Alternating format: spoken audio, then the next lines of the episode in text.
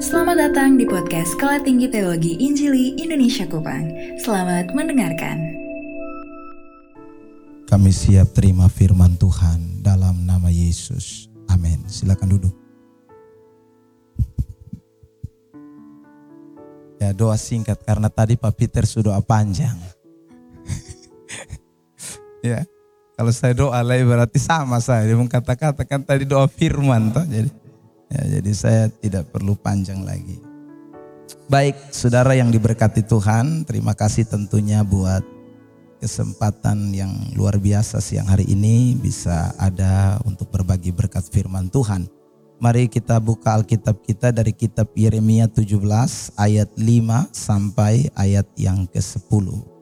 Kitab Yeremia pasal yang ke-17 ayat 5 sampai ayat 10. Kita akan membaca bagian firman Tuhan ini sahut bersahutan.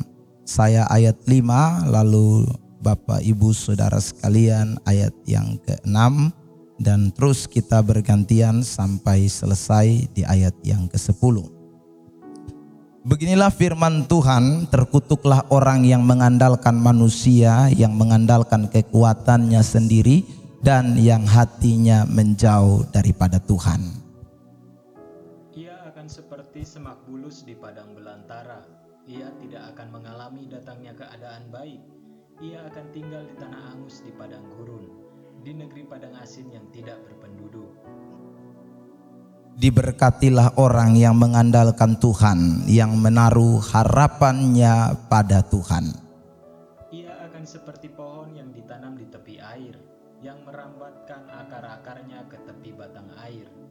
Dan yang tidak mengalami datangnya panas terik, yang daunnya tetap hijau, yang tidak khawatir dalam tahun kering, dan yang tidak berhenti menghasilkan buah.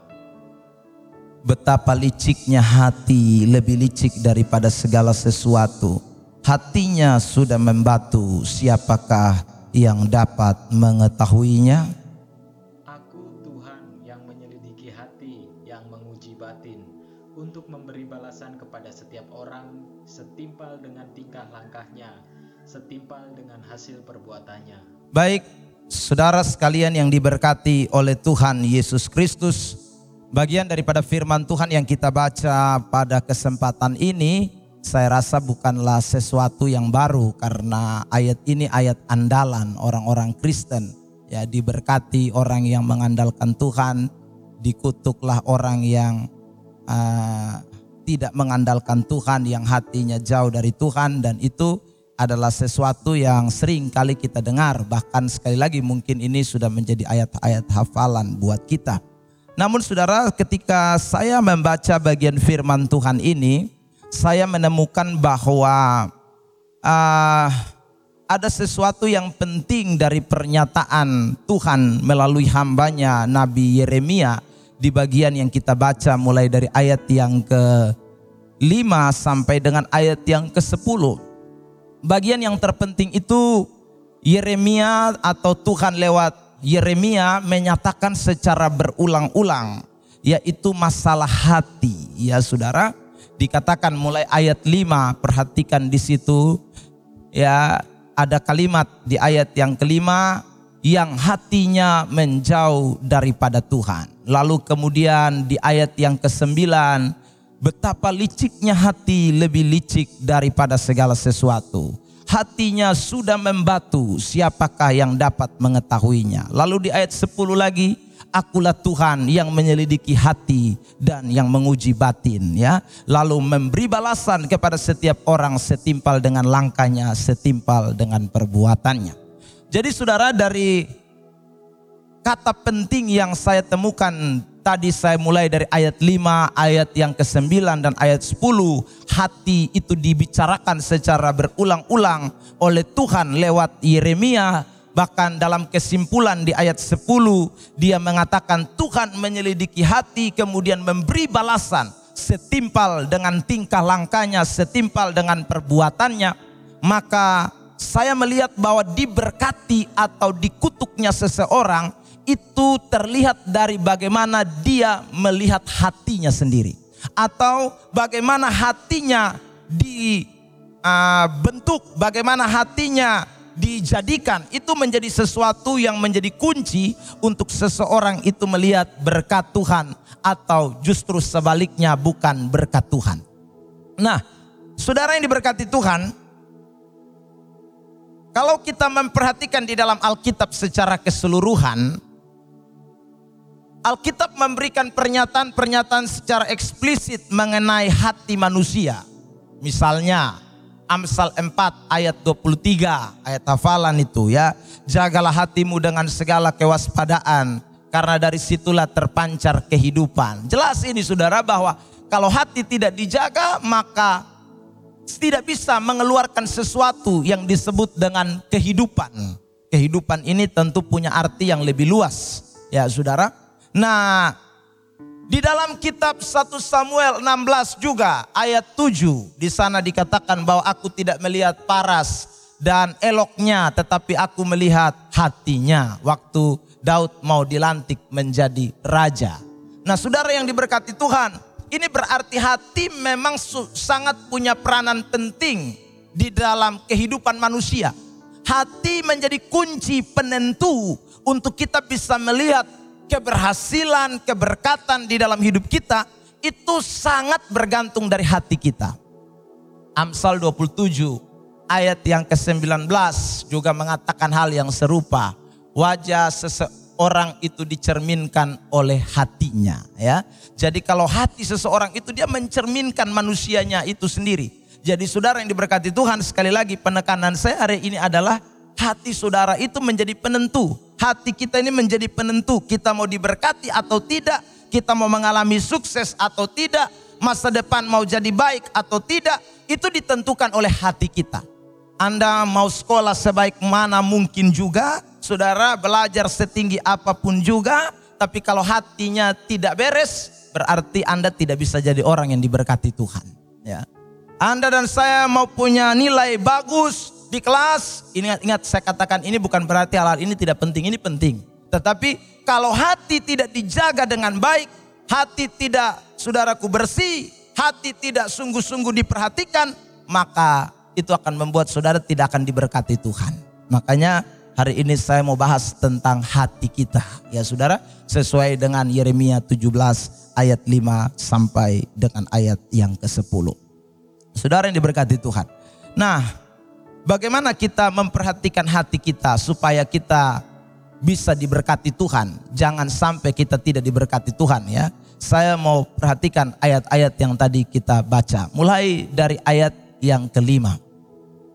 Beginilah firman Tuhan, terkutuklah orang yang mengandalkan manusia, yang mengandalkan kekuatannya sendiri dan yang hatinya menjauh daripada Tuhan. Saudara, yang pertama, kalau saudara dan saya kita mau diberkati Tuhan, maka hati kita tidak boleh menjauh daripada Tuhan. Garis bawah kalimat itu. Yang hatinya menjauh daripada Tuhan dikatakan terkutuklah dia. Orang yang terkutuk adalah orang-orang yang hatinya menjauh daripada Tuhan. Nah, kata hati menjauh itu di dalam bahasa Ibrani ditulis dengan kata cur. C-U-W-R. Cur, saudara. Itu punya arti beberapa. Kata cur itu muncul dalam beberapa ayat di dalam perjanjian lama. Misalnya dalam kitab ulangan 17 ayat 17 saya bacakan. Juga Janganlah ia mempunyai banyak istri supaya hatinya jangan menyimpang. Emas dan perak pun janganlah ia kumpulkan terlalu banyak. Kata hatinya jangan menyimpang itu dipakai kata yang sama di dalam Yeremia 17 ayat 5. Itu kata sama, jur. Yang artinya menjauh dari Tuhan. Artinya saudara yang diberkati. Orang yang hatinya menjauh daripada Tuhan adalah orang-orang yang hatinya telah terkontaminasi atau hatinya sudah diisi dengan hal-hal yang jasmania, hal-hal yang tidak lagi terfokus kepada Tuhan. Itu adalah hal-hal yang bisa mempengaruhi orang sehingga hatinya menjauh daripada Tuhan. Tadi dikatakan banyak istri. Oh, dikatakan ayat 17 ya. Itu orang kalau sudah banyak istri maka hatinya pasti menjauh dari Tuhan. Ya, Saudara. Istri satu saja kita kadang-kadang hati bisa jauh apalagi istri banyak ya saudara. Istri satu saja pikir dia pun make up, pikir dia pun alis, pikir dia pun ya lipstick. Aduh saudara yang diberkati Tuhan. Nah apalagi istri banyak itu lebih rempong lagi ya saudara. Ya, jadi karena itu Alkitab memberikan penekanan kalau hatimu jauh dari Tuhan atau hati mulai menyimpang ketika orang mempunyai banyak istri. Nah, banyak istri ini tentu perwakilan dari hal-hal yang sifatnya jasmani. Karena itu ditekankan lebih jauh di bagian selanjutnya emas, perak ya, jangan terlalu banyak dikumpulkan ya. Karena kalau sudah banyak itu emas, perak, harta benda maka orang pasti hatinya menjauh daripada Tuhan. Nah saudara yang diberkati Tuhan Yesus Kristus. Hari ini sekali lagi mungkin firman Tuhan ini belum relevan dalam hidup saudara. Karena saudara pikir Bapak eh uang seribu sekadang ada kadang tidak ada. Ya saudara kadang-kadang jumakan tidak makan ya saudara. Tetapi ingat firman Tuhan itu bersifatnya ke depan. Ada banyak orang yang saudara waktu dia tidak punya apa-apa begitu dekat dengan Tuhan. Tapi ketika punya apa-apa hatinya menjauh dari Tuhan. Ada banyak orang Kristen yang saudara yang diberkati. Begitu belum diberkati Tuhan secara jasmani.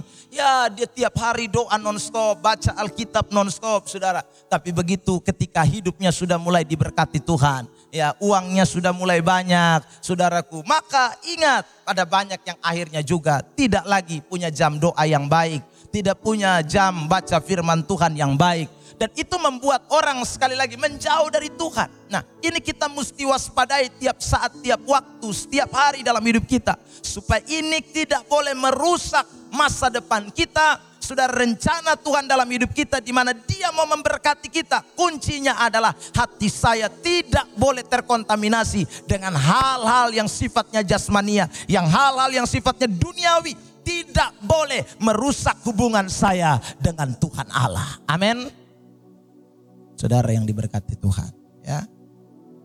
Ada orang baru punya motor saja hatinya sudah menjauh dari Tuhan, ya. Tidur malam hanya ingat motor saja. Bangun pagi juga dia tidak buka Alkitab, dia rawa dahulu motor ya. Saudara, itu ada orang Kristen model-model begitu karena sekali lagi Kristen seperti ini hatinya tidak kepada Tuhan Makanya Yesus pernah berkata begini dalam Injil Matius 6 ayat 20. Kumpulkanlah bagimu harta di sorga. Di sorga ngengat dan karat tidak mencuri dan merusaknya. ya. Tetapi di dunia ini tentu saudara habis semua nanti. Maksudnya bukan hanya sekedar pencuri bisa ambil. Tapi suatu saat Anda meninggal dunia kan pasti akan ditinggalkan ya. Karena itu saudara yang diberkati hati kita tidak boleh melekat kepada harta, tetapi hati kita harus melekat kepada Tuhan. Karena di mana hartamu berada, di situ juga hatimu berada. Amin. Amin. Ya, saudara. Kemarin saya duduk-duduk dengan jemaat cerita-cerita, jemaat bilang begini, Bapak itu dia uang itu ada 2 M satu M dia simpan di bank, yang satu M-nya dia pakai beli mobil, ya saudara. Tetapi kasihan Bapak, kenapa? Karena dia ada mobil, ada rumah bagus, tetapi saudaraku bajunya robek-robek, ya. Makan kadang ya hanya dengan kangkung, ya saudara yang diberkati. Tapi uangnya ada satu M di bank, ya saudara. Lalu kemudian saya bilang begini, dia pun istri anak ada kosong deh. Bapak istri sulari tinggal, anak tidak ada, ya saudara. Lah kalau begitu dia kasih tinggal uang 1M untuk siapa? Pertanyaannya. Pasti dia kasih tinggal untuk orang lain ya. Saudara karena dia sekarang bikin dia hidup sengsara. Makan juga tidak jelas ya saudara. Pergi Kupang saja bukan naik mobil saudara. Jalan kaki kadang-kadang. Saking terlalu hematnya ya saudara. Ya itu ada begitu banyak orang. Itu karena apa? Hatinya ada di harta. Dia takut uangnya habis dia takut hartanya habis saudaraku. Jadi dia pikir mungkin hidupnya masih lama. Saudara yang diberkati Tuhan, ini orang butuh baca Lukas pasal yang ke-12, ayat yang ke-19, 20 dan 21. Ya, di situ dikatakan, "Hai engkau orang bodoh, pada malam ini juga nyawamu diambil daripadamu. Untuk apakah semuanya yang kau sediakan itu nanti?" Ya. Kemarin saya KKR di Amarasi, saya baca itu ayat, saya ganti, ya Saudara. Ya Hai kamu orang bodoh, untuk siapakah sapi-sapimu itu nanti? Untuk siapakah babi-babimu itu nanti? Ya saudara. Ya, untuk siapakah itu nanti semua mamar-mamar kelapa dan mamar-mamar yang lain ya. Kalau hatimu melekat ke situ ya saudara yang diberkati Tuhan. Ya, jadi ingatlah baik-baik hari ini kalau saudara sedang ada menempuh sekolah teologi, pendidikan guru agama Kristen, ingat hati kita harus tetap tertuju kepada Tuhan. Karena diberkatinya kita bukan hanya jasmani, tapi rohani harus diberkati Tuhan. Nah bagaimana hati dan jasmani, eh, sorry, jasmani dan rohani bisa diberkati Tuhan? Hati kita harus melekat kepada Tuhan. Kalau hati tidak melekat kepada Tuhan ya pasti kita tidak akan melihat berkat-berkat secara rohani. Jasmani mungkin bisa, tapi rohani tidak akan pernah bisa. Yang kedua, saudara perhatikan di ayat yang ke-9. Betapa liciknya hati lebih licik daripada segala sesuatu. Yang kedua, saudara, kalau saudara mau diberkati Tuhan, hati tidak boleh licik. Dalam bahasa Ibrani, kata licik itu ditulis dengan kata akop. Akop itu sama saja dengan munafik, suka bohong, tidak jujur. Ya saudara, jadi hati licik itu hati yang munafik, hati yang tidak jujur, hati yang saudaraku suka berbohong. Nah kalau kita bicara tentang kemunafikan atau ketidakjujuran atau kelicikan hati, itu berkaitan erat dengan motivasi kita motivasi kita. Orang munafik itu karena motivasi. Saudara, ya. Saya khotbah hari ini, saudara yang diberkati Tuhan, motivasinya apa? Anda tidak tahu. Ya. Saya bisa saja punya motivasi yang lain. Nah, kalau saya punya motivasi yang tidak benar, itu namanya munafik. Saya tetap menjalankan khotbah ini, saya tetap berbicara tentang firman Tuhan, tetapi sesungguhnya hati saya itu punya tujuan yang berbeda itu namanya munafik atau ketidaktulusan atau kelicikan atau kebohongan, Saudara. Jadi ketidakjujuran itu bukan hanya sekedar ungkapan-ungkapan kata yang tidak setepatnya, tetapi juga tindakan-tindakan yang bisanya bagus di depan, tetapi saudaraku memiliki tujuan yang berbeda. Ya saudara yang diberkati. Saya suka kasih ilustrasi ini. Kalau saudara lihat kucing dengan tikus ketemu, apa yang terjadi? Ya, kalau saudara lihat kucing dengan tikus ketemu, apa yang terjadi? Kucing bilang, oh lu di situ. Ya saudara, tidak mungkin. Kucing pasti akan kejar tikus. Lalu saudara lihat, kalau tikus dikejar kucing, kira-kira tikus bilang, beta, mari sudah, beta sudah diam di sini, jadi lu tinggal makan beta sa. Ya. Atau saudara tikus juga lari. Pasti lari ya. Saudara kucing dengan tikus kalau ketemu dua-duanya sama-sama lari. Ya. Tidak ada yang saudaraku kucingnya diam atau tikusnya diam. Dua-duanya akan sama-sama lari. Saudara tetapi dua-duanya lari dengan tujuan yang berbeda-beda. Tikus lari karena takut dimakan kucing. Nah kucing lari bukan karena ditakut makan tikus. ya Dia lari kejar karena dia mau makan tikus. Dua-duanya sama-sama lari tapi tujuannya berbeda. Satu takut dimakan, satu mau memakan. Saudara. Nah pelayanan ini pun begitu. Semua orang bisa saja saudaraku menjadi pendeta. Semua orang bisa saja berkhotbah. Semua orang bisa saja sekolah teologi. Tapi kita kan tidak tahu dalam hati ini tujuannya apa. Ya saudara. Tujuannya apa? Nah kalau saudara mau diberkati Tuhan, tujuannya tidak boleh tidak sama dengan apa yang saudara lakukan. Tidak boleh menyimpang dari apa yang saudara dan saya inginkan. Saudara. Harus sesuai dengan apa yang menjadi tujuan sebenarnya. Itulah yang Tuhan kehendak. Saudara yang diberkati Tuhan. Saya percaya waktu Tuhan memilih Daud. Tuhan tahu. Karena Tuhan bilang dia lihat hati. Ya. Apakah kakak-kakak daripada Daud itu tidak punya hati, punya juga. Tetapi pasti Tuhan sudah mengetahui bahwa mereka punya motivasi-motivasi yang terselubung di dalamnya. Karena mungkin mereka merasa bahwa mereka punya fisik mantap, parasnya bagus, saudaraku. Tinggi-tinggi, ganteng-ganteng, saudara. mungkin juga punya keahlian di dalam berperang, mungkin juga punya keahlian dalam kepemimpinan. Maka saudara mereka merasa bahwa saya layak untuk jadi pemimpin. Saya layak, tapi dengan motivasi yang tidak sesuai dengan kemauan Tuhan. Makanya saudaraku, Samuel waktu datang melihat anak-anaknya Isai tersebut, lalu Tuhan bilang bukan mereka. Ada satu lagi masih di padang menggembalakan kambing dua tiga ekor. Karena Tuhan melihat hati daripada Daud. Betul-betul hati yang tidak licik. Hati yang tidak punya kemunafikan di dalamnya. Saudara yang diberkati. Makanya Daud akhirnya dipilih untuk menjadi seorang raja. Nah hari ini sekali lagi hal kedua ini saya ingin seberangkan buat kita. Jangan kita menjadi Kristen atau menjadi orang percaya atau menjadi pelayan Tuhan yang punya hati tidak lurus saudara. Hati kita penuh dengan kemunafikan, jangan ya. Mari kita punya hati yang tulus ikhlas melayani Tuhan.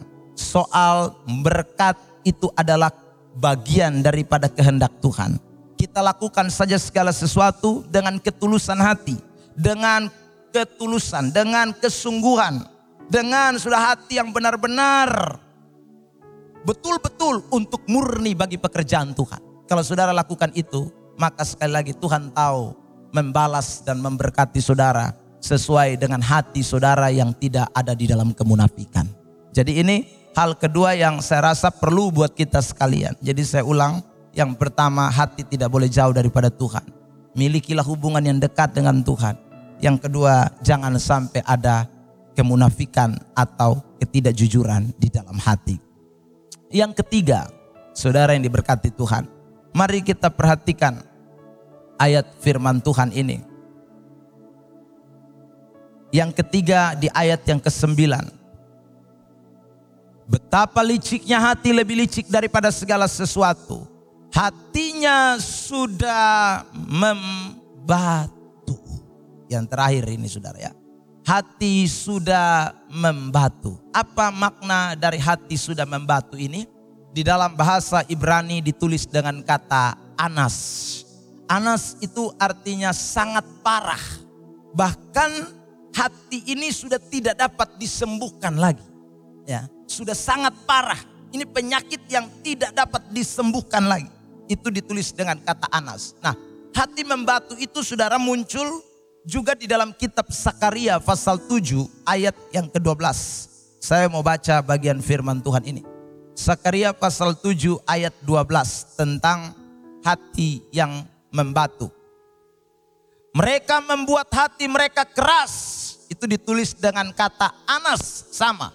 Seperti batu amril supaya jangan mendengar pengajaran dan firman yang disampaikan Tuhan semesta alam melalui rohnya dengan perantaraan para nabi yang dahulu. Oleh sebab itu datang murka yang hebat daripada Tuhan.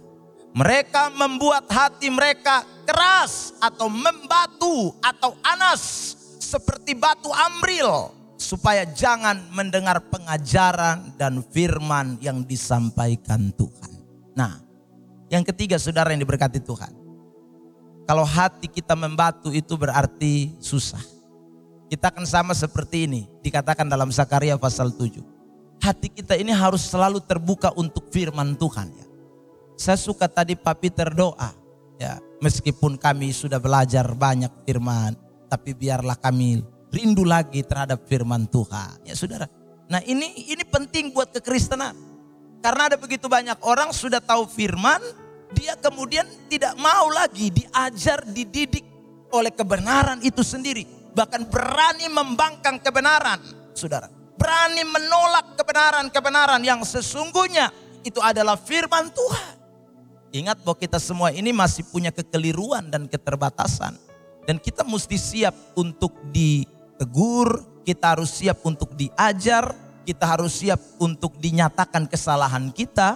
Tentu dengan dasar adalah firman Tuhan, bukan dasar yang lain. Firman Tuhan itu menjadi dasar. Sebab kalau saudara tidak mau lagi ditegur, saudara tidak mau lagi dibenahi, itu berarti hatimu sudah anas. Nah, kalau hati anas mungkin masih tetap di dalam pelayanan, saudara. Mungkin masih tetap menjadi seorang pengkhotbah, tetapi itu pasti tidak lagi berkenan kepada Tuhan. Makanya kalau saudara baca Alkitab Matius pasal 7 ayat 21, 22 dan 23. Di sana Alkitab mengatakan dengan jelas, nanti di akhir zaman ada banyak orang yang berseru Tuhan Tuhan, ya. Bukankah kami bernubuat demi namamu, mengusir setan demi namamu, mengadakan mujizat demi namamu, tapi Tuhan akan bilang, "Enyah kamu sekalian pembuat kejahatan." Persoalan mereka ada di mana? Ada di dalam kesesatan mereka, Saudara. Kenapa orang bisa sesat? Karena orang sudah tidak mau lagi menjadikan firman Tuhan sebagai tolak ukur di dalam hidupnya. Dia tidak mau jadikan lagi firman Tuhan sebagai prinsip dasar di dalam hidupnya. Yang dia pakai apa? Ya yang dia pakai dia punya kehebatan, yang dia pakai mungkin karunia-karunia yang ada padanya, yang dia pakai mungkin saudaraku ketenarannya, kebisaannya, tetapi sesungguhnya firman Tuhan tidak lagi menjadi dasar. Inilah pendeta-pendeta atau pengkhotbah-pengkhotbah, saudara, atau hamba-hamba Tuhan yang menyebut dirinya hamba-hamba Tuhan, tidak pantas sebenarnya disebut hamba Tuhan, lebih tepat hamba setan. Ya saudara, tapi yang dasarnya bukan firman. Ya. Karena firman omong dong son mau dengar. Firman bicara mereka tidak mau ikut. Yang mereka dengar adalah apa yang menjadi suara hati mereka. Apa yang mereka pikir itu adalah bagian dari sesuatu yang menjadi pengalaman mereka. Firman Tuhan mereka abaikan. Itu orang yang hatinya membatu. Saudara. Hari ini saya mau sampaikan buat kita semua. Jangan sampai hatimu membatu. Kalau masih menjauh itu taraf ringan. Naik sulicik itu taraf sedikit berat. Ya saudara. Tapi kalau sampai membatu itu beratnya minta ampun. Ya. Karena susah itu tidak bisa lagi disembuhkan. Sudah.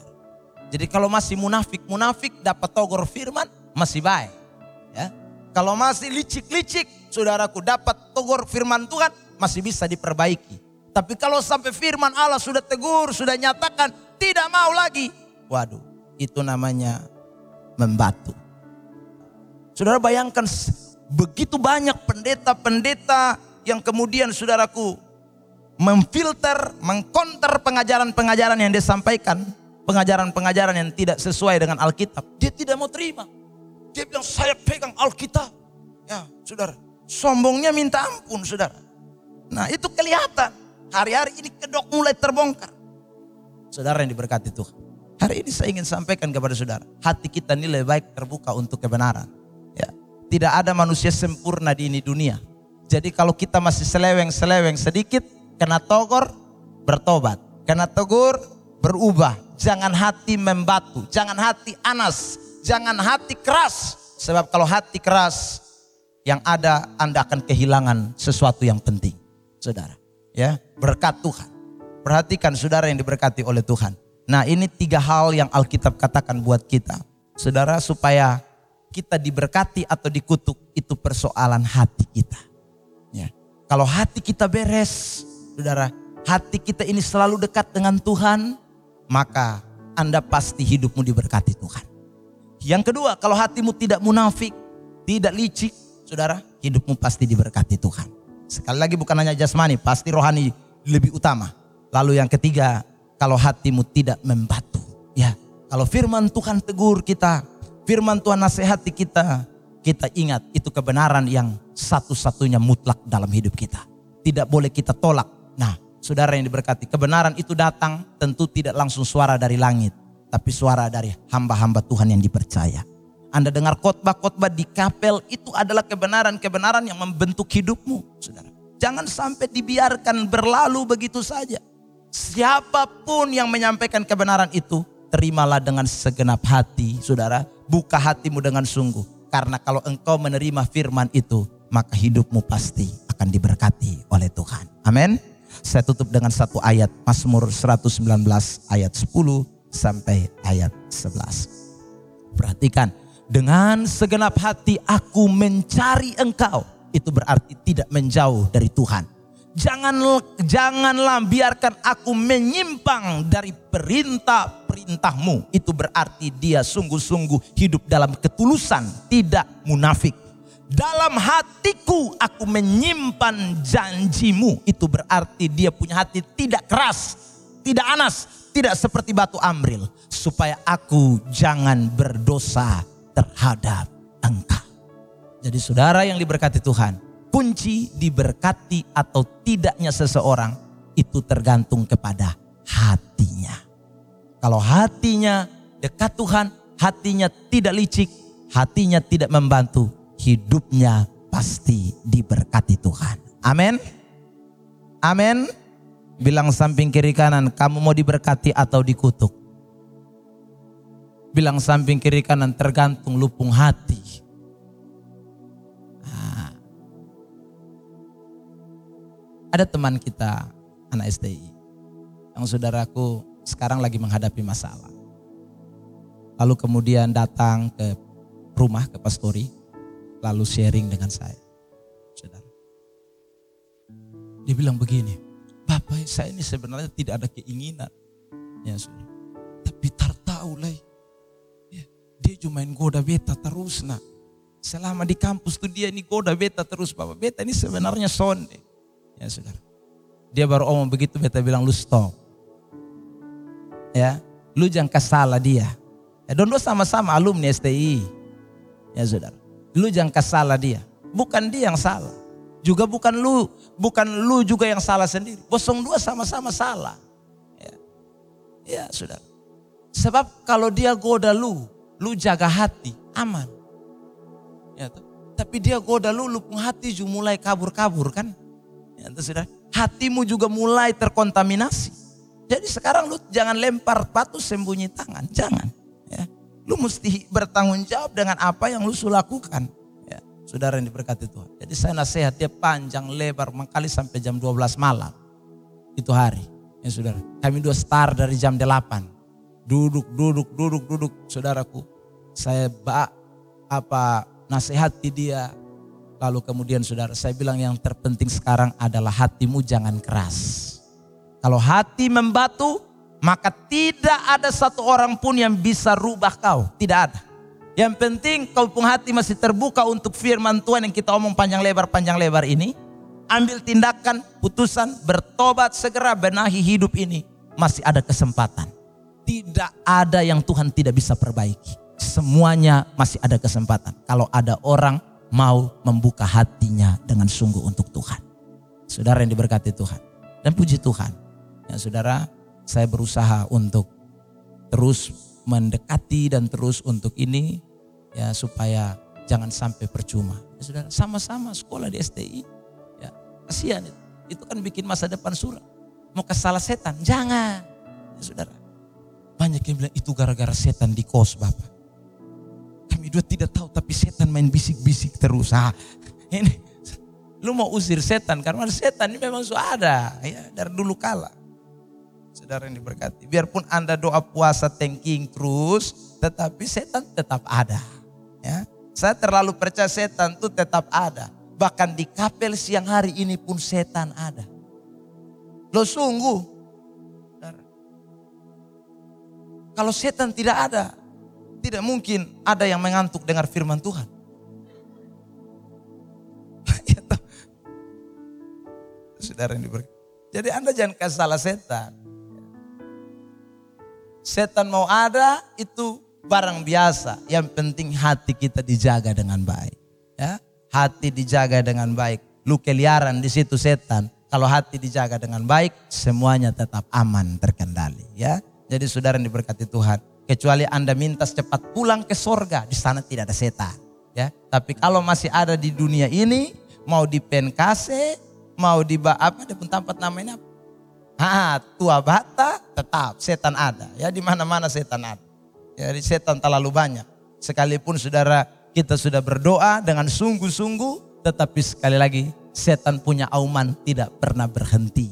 Kekuatan kuasanya bisa ditaklukkan, tapi aumannya tidak bisa. Saudara yang diberkati Tuhan ya. Jadi dia tetap berteriak-berteriak. Tinggal siapa mau terpengaruh dan siapa tidak terpengaruh. Yang terpengaruh yang jatuh. Yang terpengaruh yang bisa hancur. Tapi yang tetap mau bertahan dengan kekuatan dari Tuhan tentunya hatinya dekat dengan Tuhan tidak bisa. Ya, setan tetap akan dikalahkan karena kuasa Tuhan yang ada dalam kita lebih besar dari segala-galanya. Amin. Tuhan berkati kita sekalian. Sama-sama kita katakan saya mau diberkati Tuhan. Satu, dua, tiga. Bilang sama-sama sekali lagi saya mau diberkati Tuhan. Bilang sekali lagi samping kiri kanan jaga hati. Bilang samping kiri kanan jangan licik. Ah, Amin. Ya. Bilang samping kiri kanan jangan membatu. Ya. Itu penting. Kalau itu tiga kunci itu Anda diberkati sudah pasti.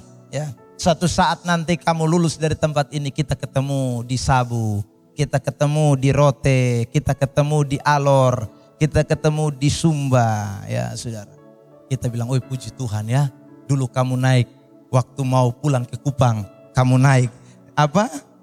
Fuso, puji Tuhan kamu sudah jadi orang luar biasa ya. Saudara ini berkat itu. Itu ya. Jadi ingat itu baik-baik. Yang penting hati dijaga. Amin ya. Ya, kalau hati tidak dijaga bahaya. Anda sudah naik fuso setengah mati tidak diberkati Tuhan ya, Saudara. Tadi Pak Tiga bilang tondok, tondok ya. Itu adalah duri dalam daging, tapi percayalah Tuhan baik. Ya, mari pemain keyboard kita syukuri firman Tuhan dengan satu lagu. Lagu ini lagu terkenal buat kita sekalian. Firmanmu pelita bagi kakiku, terang bagi jalan. Kita naikkan ini pujian dan kita doa. Kita mensyukuri firman Tuhan. Terima kasih telah mendengarkan podcast Sekolah Tinggi Teologi Injili Indonesia Kupang. Jika Anda rindu diperlengkapi menjadi seorang pelayan Tuhan yang berpengetahuan teologi yang tinggi, berkarakter Kristus untuk memperluas kerajaan Allah, mari bergabung bersama kami di Sekolah Tinggi Teologi Injili Indonesia Kupang. Jalan Tua Bata, Kecamatan Alak, Kupang, Nusa Tenggara Timur. Kunjungi website kami di www.sttii-kupang.ac.id atau via halaman Facebook kami di STTII Kupang. Hubungi kami di 081237978267. Sekali lagi 081237978267. Terima kasih, Tuhan Yesus memberkati.